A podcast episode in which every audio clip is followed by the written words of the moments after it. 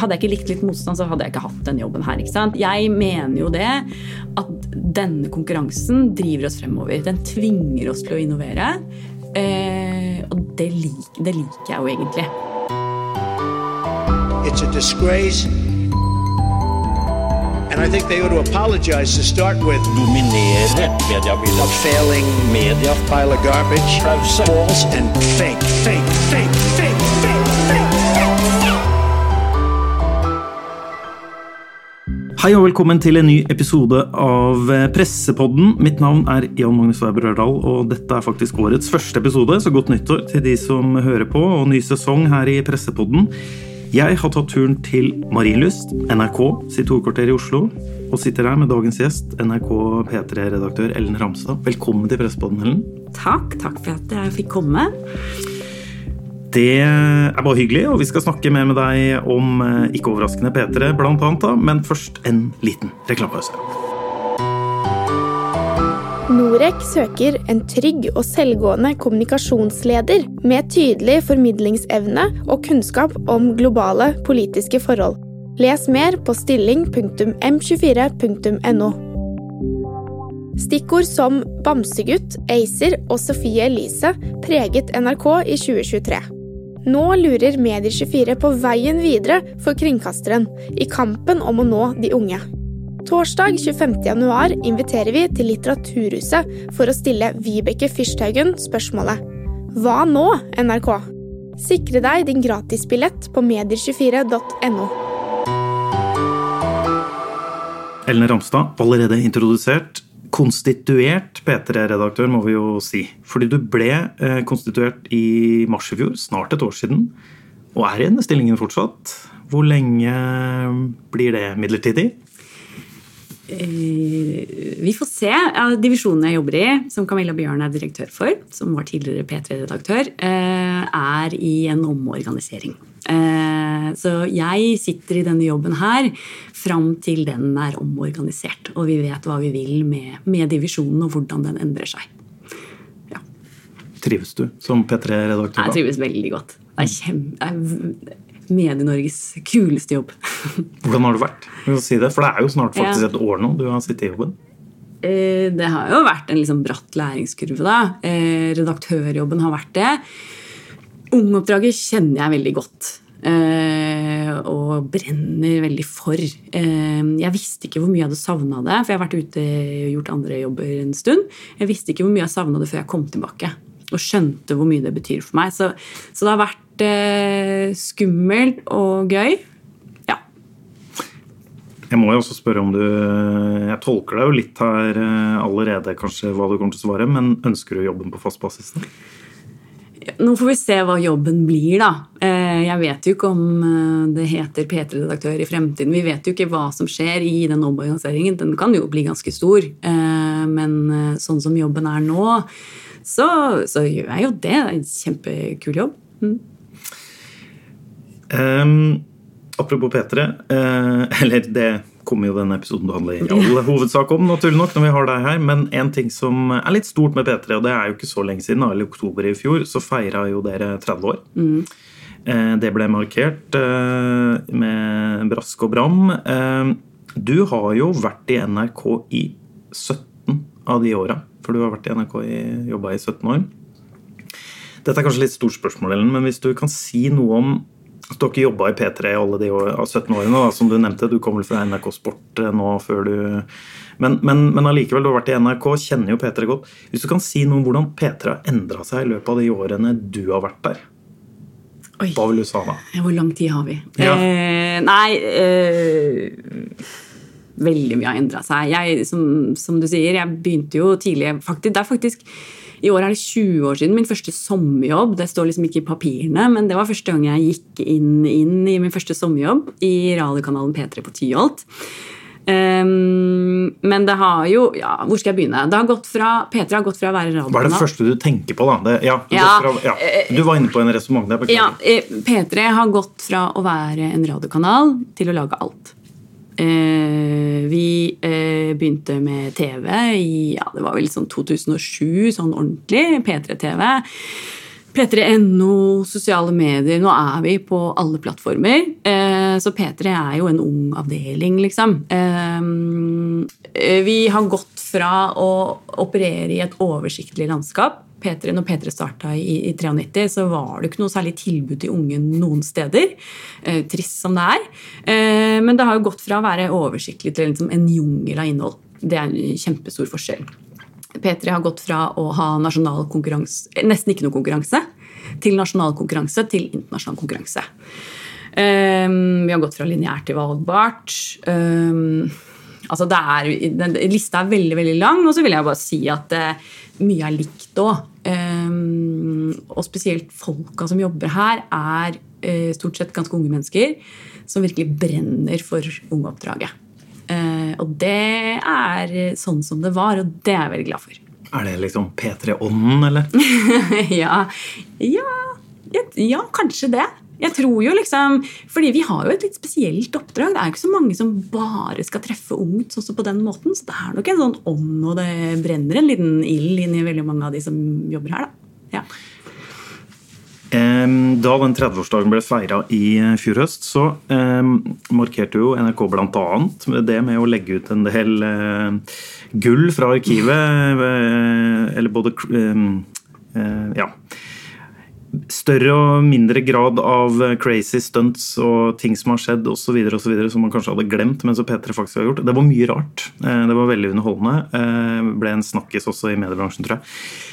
Du har jo sjøl forhold til P3 selvfølgelig før du begynte å jobbe på 90-tallet, og sånn, og så kom du inn som du sier, tidlig 2000-tall. Eh, Noen av disse WTF, eller what the fuck kan vi si, det var helt sensurert her i Vestpotten.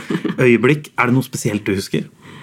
Ja eh, jeg, kan, eh, jeg husker jo masse, jeg er jo vokst opp med P3. Jeg er jo eh, barn av 90-tallet, så jeg er jo vokst opp med P3. Det var veldig viktig i mitt liv. Eh, men jeg har lyst til å trekke fram noe jeg husker fra når jeg jobbet her. Eh, da jobba jeg med Lydverket og jobba med Asbjørn Slettmark. Han eh, skulle være med på et intervju med en ung fyr som heter Lars Berrum. Eh, eh, et program som het Kjendisprat med Lars. Eh, da var Lars veldig ny og eksperimentell, mer enn han er i dag. Eh, og jeg husker altså så godt, for da kom Asbjørn tilbake fra det intervjuet. Jeg var vaktsjefen hans da. Og helt bleik i ansiktet og helt i sjokk over hva han hadde vært med på. For da hadde rett og slett Lars helt uten forvarsel, dette var første opptak noen gang på det programmet, bare kledd seg naken under intervjuet. Sterkt inspirert av et program som het Between Two Ferns, for de som husker det. Men det var, eh, det var veldig gøy og helt out there, liksom. Ja, så det husker jeg godt. Er ikke det dette programmet med noe klipp av Bærum der som havnet på litt eh, lumske nettsider og sånn? Jeg husker det var noe oppslag om det i fjor, blant annet, i forbindelse med 30-årsdagen. Så ja. Ehm, men jeg husker også det ble litt snakka om eh, i, i forbindelse med disse, da, da en del av de gamle stuntsene ble lagt uh, ut på nytt i fjor høst, at også litt, som går litt på dette med hva, hvor mye P3 har forandra seg. For det er noe av det sånn Dette kunne vi ikke gjort i dag. Eh, du som sitter og er P3-sjef nå, og, og, mm, er det noen ting du umiddelbart tenker at det kunne vi ikke gjort i dag? Som ble gjort for 20-25 år siden? Nei, Nei jeg tenker at vi kunne gjort veldig mye igjen, ja, så lenge det fremsto som nyskapende. Vi, ikke, vi skal jo ikke gjenta oss selv så mye. Men eh, hvis de stuntene var liksom nyskapende og er det nå, så kunne vi jo gjort det igjen. Jeg, jeg tror faktisk det. Det er, det er kanskje noe sånn Noe av det For de som husker karate, når de hadde noe greier på Kvart, noe liveshow, der er det noe HMS-issues som kanskje ville blitt stoppet i dag. Eh, men utover det eh, så tror jeg man kunne gjort mye. Ja. Jeg var i publikum der i kvart eh, og så annet NM i klyster. Jeg tror kanskje ikke det hadde blitt uh, arrangert fra scenen med P3 i dag, nei. Nei. Men, men det var det, for jeg snakka med, noe- med yngre, yngre kolleger eller um, også andre i mediebransjen som kanskje ikke husker det så godt, den perioden. Men når de så klippen og leste, så bare wow, det er så drøyt. Ja. Eh, det hadde ikke vært gjort i dag. Men tidene forandrer seg jo Ja. naturlig Og så vil jeg bare si at eh, For vi satt jo nå Det var veldig gøy med 30-årsjubileum, for vi, vi tenkte at hva, vi skal ikke drive og feire oss selv. eh, Det er ikke noe grunn, men kan ikke publikum få lov å være med på reisen vi har hatt, liksom? Og da tenkte jeg at det har jo vært noe for hver nye generasjon. Det er ikke bare du og jeg som er rundt 40 som husker ting eh, som skjedde da, men det er de som er ti år yngre enn oss igjen, hadde sin oppdagelse med Lars Berrum og Kjendisprat kanskje, eller noe annet. Så det har vært nye ting hele veien. da.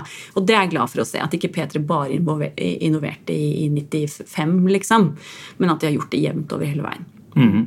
Og en, eh, ja, eksempel P3 Morgen til 2000-tallet, ikke sant? Eh, hvor mange Absolutt. i den generasjonen som har et Sånn som jeg opplevde nesten et religiøst forhold til den første P3 Morgen-gjengen. Som satt du der i mange år. Men Ellen, eh, vi skal gå litt videre. og snakke litt mer om i dag, da. Fordi P3 Altså Dette er jo åpenbart P3 er for uh, unge, og målgruppen er jo kjent for mange. Men hvis du skal likevel si noe om det, kanskje noen trenger bare en eh, refresher på det.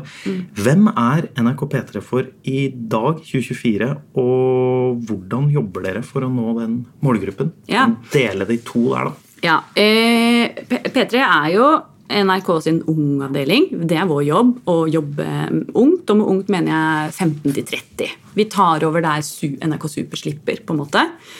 Ehm, men eh, Og NRK sier jo i sin strategi at NRK skal være viktig for hver, hver generasjon. Eh, og her har jo P3 en, en, en sentral rolle.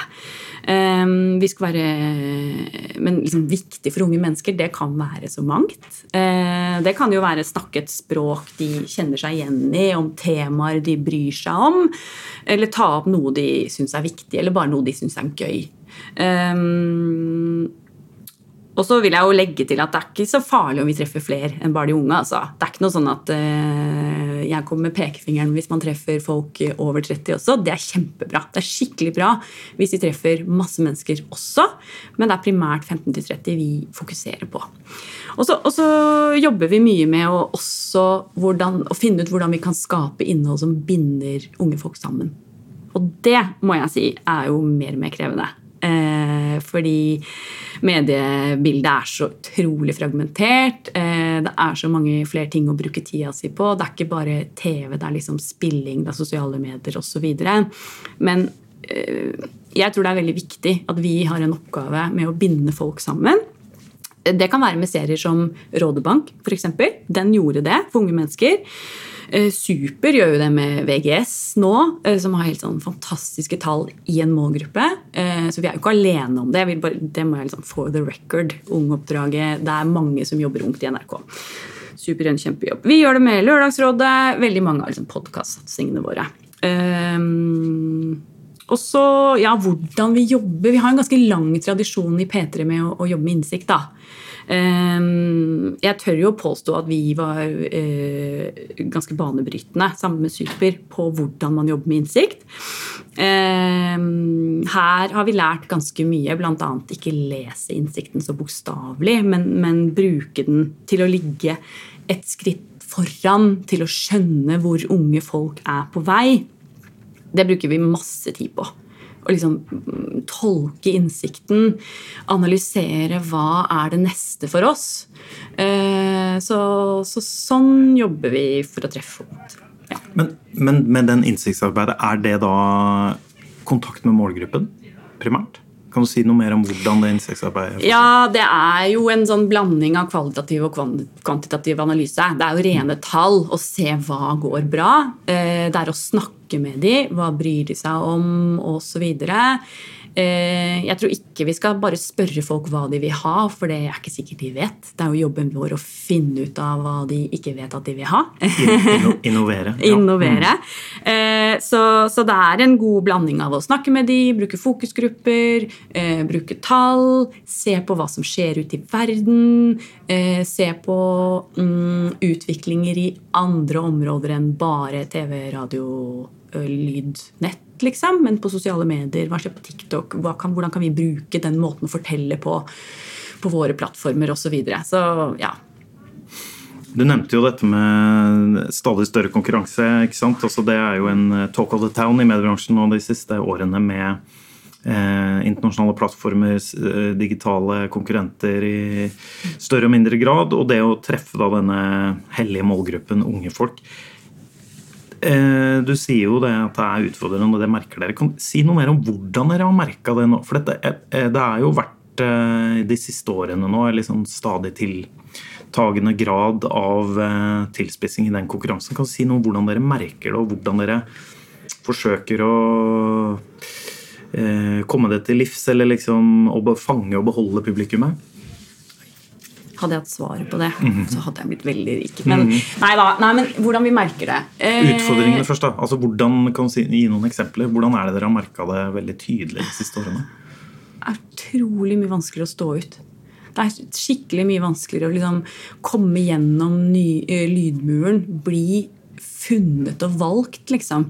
Selv om du sitter der med innhold som du tror er og vet eller har en eller sånn Det er kvalitativt skikkelig bra, liksom. Så er det det å bli At folk skal finne oss. Eh, For det er så fragmentert. De er ikke, det er ikke bare én lineær kanal folk setter på, liksom. Så, så det, det er jo vanskeligere å nå igjennom. Det er liksom den største endringen. Og så har det Jeg er jo Hadde jeg ikke likt litt motstand, så hadde jeg ikke hatt den jobben her. Jeg mener jo det at denne konkurransen driver oss fremover. Den tvinger oss til å innovere. Eh, og det, lik, det liker jeg jo egentlig. Eh, den tvinger oss til å innovere. Så, så det at det er vanskeligere å bli valgt, det at folk må oppsøke oss istedenfor at bare, vi bare eksisterer i en flyt-radiokanal eller en flyt-TV-kanal, det gjør at vi må fortelle historien vår på en annen måte. Vi må, vi må bygge den annerledes. Vi må liksom bruke helt andre grep til hvordan eh, ja, Hva den skal inneholde. Og vi må være mye mer analytiske. I, i, i liksom fra, helt fra idéstadiet til ferdig klipp og publisering. Norec søker en trygg og selvgående kommunikasjonsleder med tydelig formidlingsevne og kunnskap om globale politiske forhold. Les mer på stilling.m24.no. Stikkord som Bamsegutt, Acer og Sofie Elise preget NRK i 2023. Nå lurer Medier24 på veien videre for kringkasteren i kampen om å nå de unge. Torsdag 25.1 inviterer vi til Litteraturhuset for å stille Vibeke Fyrsthaugen spørsmålet Hva nå, NRK? Sikre deg din gratisbillett på medier24.no. Dette med å nå ut til publikum er jo også litt uh, tematikk i neste spørsmål. Fordi P3 har jo fått litt, uh, litt kritikk i Medie24 spalter den siste tiden. Um, Blant annet i sist helg, da, når vi publiserer dette. Sist helg. Eh, eller spiller inn dette, vi har ikke publisert det nå. Eh, vår spaltist Andreas Ryen Eidem skrev at P3 må bli enda mer kreative for å oppfylle oppdraget sitt. Og han mener da bl.a. at P3 prøver både å være skamløse på klikk på den ene siden og ha journalistisk historie med brodd på den andre siden. Jeg vet du har lest kommentaren. Eh, hva tenker du om den kritikken? Ja, først og fremst så jeg, blir jeg også glad når folk har lyst til å diskutere det vi jobber med. Så det er jeg veldig glad for. Og for det andre så Jeg skjønte jo ikke helt kritikken, eller at det var kritikk. For jeg er liksom Ja, men kan ikke vi gjøre begge deler? Eh, og så er jo klikkvennlig. Jeg vet ikke om det liksom har en negativt fortegn eh, for seg. For jeg, jeg tror at vi eh, Ja. Eh, den derre spagaten mellom å lage det folk er vant til, og som vi vet de vil ha, og tenke helt nytt og teste og utfordre og innovere, den er, den er ganske vanskelig. For vi har som alle andre lyst til å treffe mange, mm, men vi må gjøre begge deler. Vilde Skanke Sunde skrev jo også litt om dette hos dere. Ehm, Jeg tror vi har en kjempeviktig jobb eh, med å ligge foran på vegne av liksom mediebransjen. Så skal vi, NRK og spesielt P3, innovere og teste og, og utfordre. Samtidig så er jo vi finansiert eh, via liksom skatteseddelen, så vi har jo et ansvar opp mot publikum. Vi kan jo ikke bare lage super, supersmale ting. Vi skal følge, gjøre oppdraget vårt, liksom. Men vi har jo lyst til å treffe mange, og bør gjøre det eh, med tanke på rollen vi har. Så den spagaten er den er krevende, og det er ikke alltid vi treffer. Det må jeg jo være så ærlig å si. Men, men, men jeg tror At vi kan drive med bred historiefortellinger, eh, historiefortelling, eh, store dramaserier med ung appell, samtidig som vi, som vi utfordrer med liksom Ja, utfordrer med innhold vi lager. Jeg tror Kanskje han refererer til en ting, men jeg kan, jeg kan dra et eksempel. Eh, vi gjør jo en del på p3.no hvor vi utfordrer litt. Hvor vi utfordrer litt med temaer. Um, Som eksempel hva da? ja, eh, før jul så hadde vi en sak, en eh, sånn visuell Excel som vi kaller det, en reportasje om tørrfaste. Da var det en del folk som var sånn Ja, det er bare for å få klikk, og eh, hvorfor, skri, hvorfor lager dere innhold om dette? Det er jo helt forferdelig med tørrfaste. Men eh, vårt poeng er at dette er et fenomen som er superutbredt på TikTok. Unge mennesker skriver masse om det, de konsumerer masse innhold om det, er veldig opptatt av det. Men på TikTok så er jo dette innholdet totalt blottet for balanse og kritiske stemmer. TikTok er en totalt algoritmestyrt eh, sosialt eh, medium. Vi tenker at det er vår, en del av vårt oppdrag å da gå inn og nyansere. Eh, ja, men Nettopp derfor så skal vi ta opp dette temaet eh, for å nyansere. Og i løpet av de første åtte sekundene av reportasjen så er det jo en lege som sier 'dette kan du dø av'. Men så kommer Pimp Lotion inn og alle disse stemmene fra TikTok som, som jeg tror folk reagerer på. Men, men budskapet er der, og balansen er der, og unge folk får en balansert eh, historie om noe de har hørt om på TikTok, som kanskje noen av de via det de har hørt om der, syns høres som en god idé. Som det ikke er.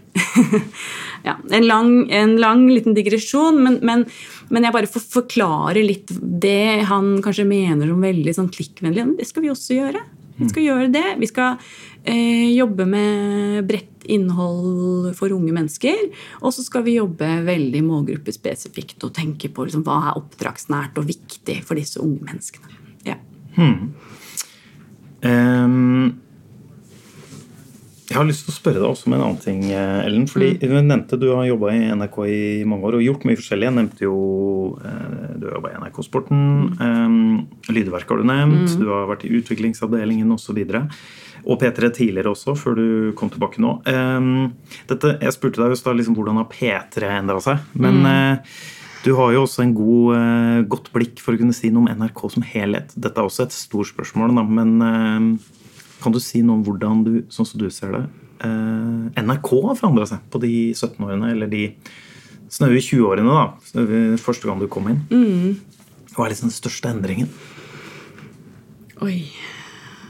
Ja um Det er et veldig stort spørsmål, da. Den største endringen Nei, men jeg var inne på det i sted. Eh, det er jo rett og slett at vi har måttet endre hele måten vi tenker innhold på, lager innhold på. Vi går fra eh, at eh, publikum på en måte ikke har, noe valg, det bare er en flytkanal hvor folk, ting bare dukker opp, til at de må bestemme seg for å, å velge noe. Altså, vi, helt, vi stiller på lik linje med alle andre. Det er liksom bare en streamingtjeneste eller en eh, NRK radioapp, eller noe sånt, så må de gå inn og så må de leite. og så Det vil jeg ha. Så vi må jo jobbe helt enormt mye med innsalg, bilder. Hva er det som gjør dette fristende for publikum? Anslaget. Eh, og så har det skjerpa oss enormt på historiefortellingen. Jeg mener at vi lager bedre innhold enn vi gjorde før. Alt var ikke bedre før. Vi lager bedre innhold. Vi har måttet skjerpe oss skikkelig på hvordan vi forteller. Um, så jeg tenker at dette har vært veldig bra for NRK. Så er det liksom åpen dør å si det. Ja, vi har gått fra lineær til on demand, liksom. Men det har virkelig endra oss. Det har, endret, det har profesjonalisert oss. Det har uh, endra hele systemet. Når vi liksom pitcher inn en idé, så må det være et helt annet grunnlag på innsikt. Hva tror vi? Hvordan tror vi det treffer? Hvordan skal vi fortelle historien for at publikum er med fra første til siste episode? Sånne krav var det ikke før på samme måte. Um, så vi har, ja, vi har, vi blitt proffere. Um, og så er det skikkelig gøy, da. Når det er sånn. Og så er det så gøy når det funker også. Sånn som det er nå, mener du? Ja. Ja. Ja. Men alt var ikke bedre før eh, Det er vanskelig å være uenig i det, da, generelt sett. Men, men, men er det noe som var bedre før, eller er det noe du savner fra si, den tidlige tiden din i NRK? Savner Ja. Eh, Jeg kaller ikke det for gamle dager, for det er ikke gamle dager. Nei, så- tidlige, tidlige tider. Så Ja. gammel er jeg ikke. Eh, eh, det- det var jo mer oversiktlig, da. Må jeg lov å si det. Det var jo, Selv om det er gøy med konkurranse og sånn, det var mer oversiktlig. Medietilbudet var ikke så massivt. Eh, konkurransen var ikke så stor. Det var ikke så mange andre plattformer. Det var liksom enklere og renere. Eh, og så P3 har jo ikke lenger eh, definisjonsmakten på samme måte innen musikk, f.eks.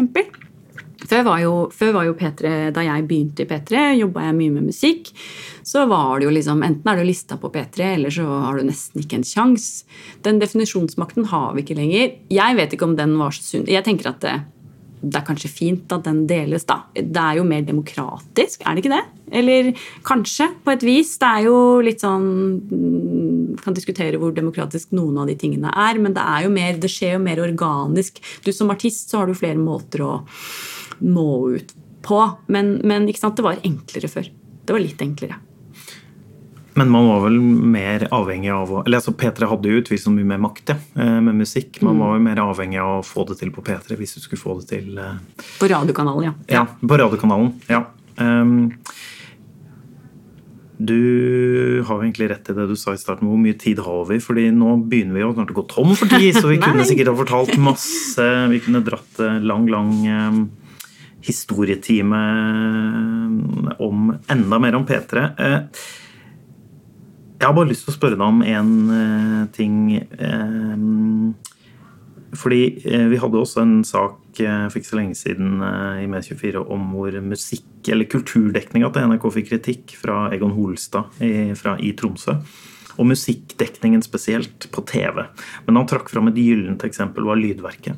Eh, for mange et kultprogram, eh, meg sjøl inkludert. Du jobba jo der. Savner du Lydverket? Ja. Det var en veldig fin tid. Jeg jobba der de siste årene det programmet eksisterte. Kanskje de siste fire årene eller sånn, med, i ulike roller.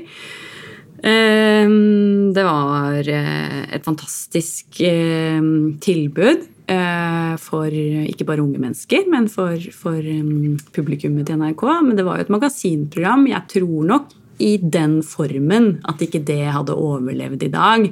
Og så vil jeg jo bare legge til at da Lydverket ble lagt ned, så hadde det 70 000 seere i uka. Det, så, det var ganske mange mer, flere som protesterte enn de som så på. Så det var nok tanken på at det eksisterte, som var det verste.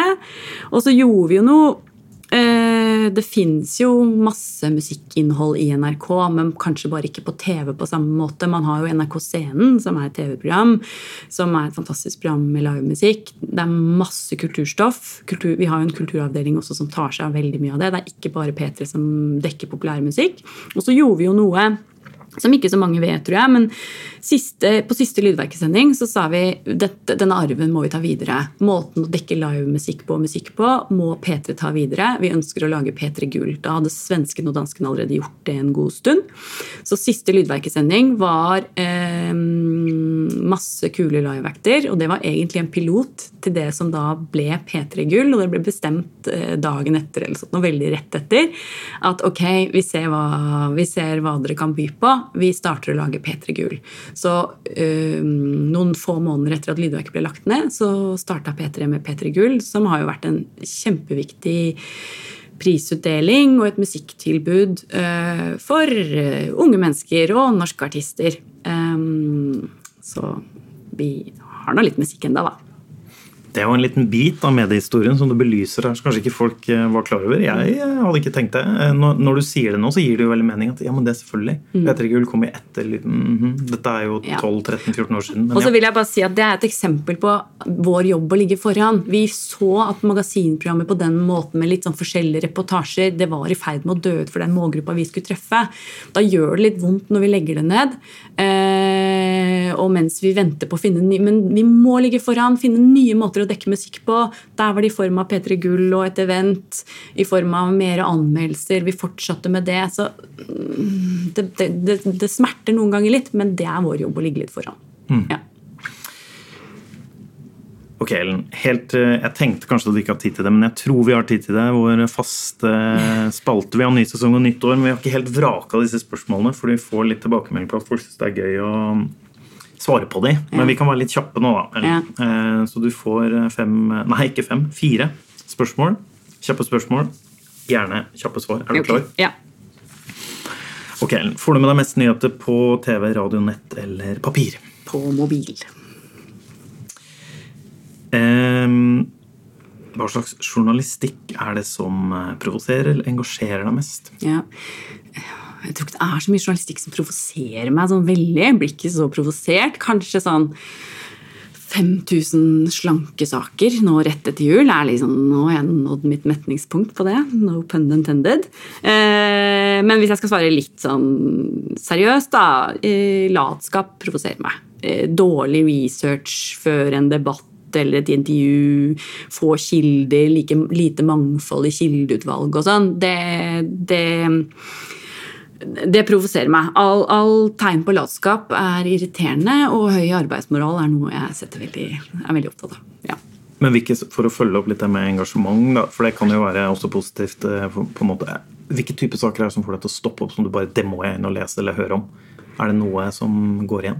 Ja, eh, jeg må svare litt lenger på det. For det, det er så lett å skjønne når noen brenner for noe. Og det ser vi også i liksom serieskapere. Det, nøkkelen er ofte at det er en serieskaper som bare brenner for at det kommer fra hjertet, ikke hjernen. ikke sant? Eh, så det blir jeg veldig engasjert av når jeg ser at eh, det kommer en serieskaper i en dramaserie, kan også være, som har en idé de bare brenner for og bare må fortelle om. Det merker publikum. Eh, så sånne saker også på nett og overalt, når det liksom er superengasjerende og liksom personlig drevet, det er Joakim Førsund er jo en av Norges beste på det på lyd, f.eks. Det, det kommer fra hjertet hans. Det er ikke noe han tror folk liker, men det, det smitter. Over på meg, i hvert fall. Ja. Eh, hva er de beste egenskapene en journalist eh, bør ha, da, slik du ser det? Ikke la, de skal ikke være late, det har du allerede sagt på, men eh, hvilke egenskaper bør de ha? Jeg, jeg foregrep litt. Ja. Engasjement. Engasjement. Ja, altså Vi kaller det ildsjeler innen kreatører, men, men eh, å jobbe med sånne folk, eh, engasjerte folk, det fører jo ofte til en del temperatur. Det skal vi tåle når det er liksom en, en ildsjel i bånn. Eh, P3 er jo er jo full av sånne folk. Julie Andem er jo vårt kanskje fremste eksempel på en sånn. Eh, men, Kjent fra Skam. Ja. Kjent fra Skam, ja. Blant annet. Eh, men brennende engasjement. Eh, da kan du også få skryte litt enda mer. Du har name-droppa et par allerede her, men hvem er det som inspirerer deg mest, eller imponerer deg mest i Ja. Medie-Norge nå? Ja, akkurat nå så syns jeg det er vanskelig å svare noe annet enn utenriksjournalistene som jobber i Ukraina og i Midtøsten. De har en helt eh, ekstremt vanskelig jobb med å dekke disse krigene. Eh, og spesielt med Midtøsten, det å gjøre det på en balansert og god måte, det, det er belastende og vanskelig. Så de eh, er jeg nok aller mest imponert over. Da lar vi det være siste ordet i denne pressepodden, eh, Ellen. Eh, Ønsker deg lykke til videre i jobben som konstituert P3-redaktør. Så får vi se når eh, vi kan fjerne eventuelt konstituert eller ikke. Det regner jeg med vi kan lese, eller dere kan lese om i Medie24, ikke sant? Ja, selvfølgelig. Vi er tilbake neste uke med ny episode og ny gjest. Vi høres igjen da.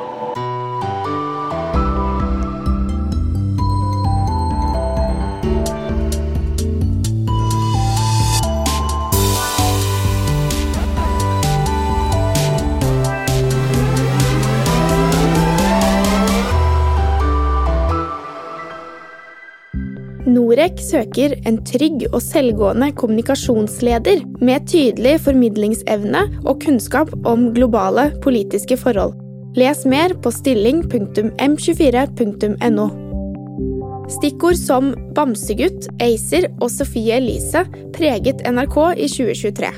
Nå lurer Medier24 på veien videre for kringkasteren i kampen om å nå de unge.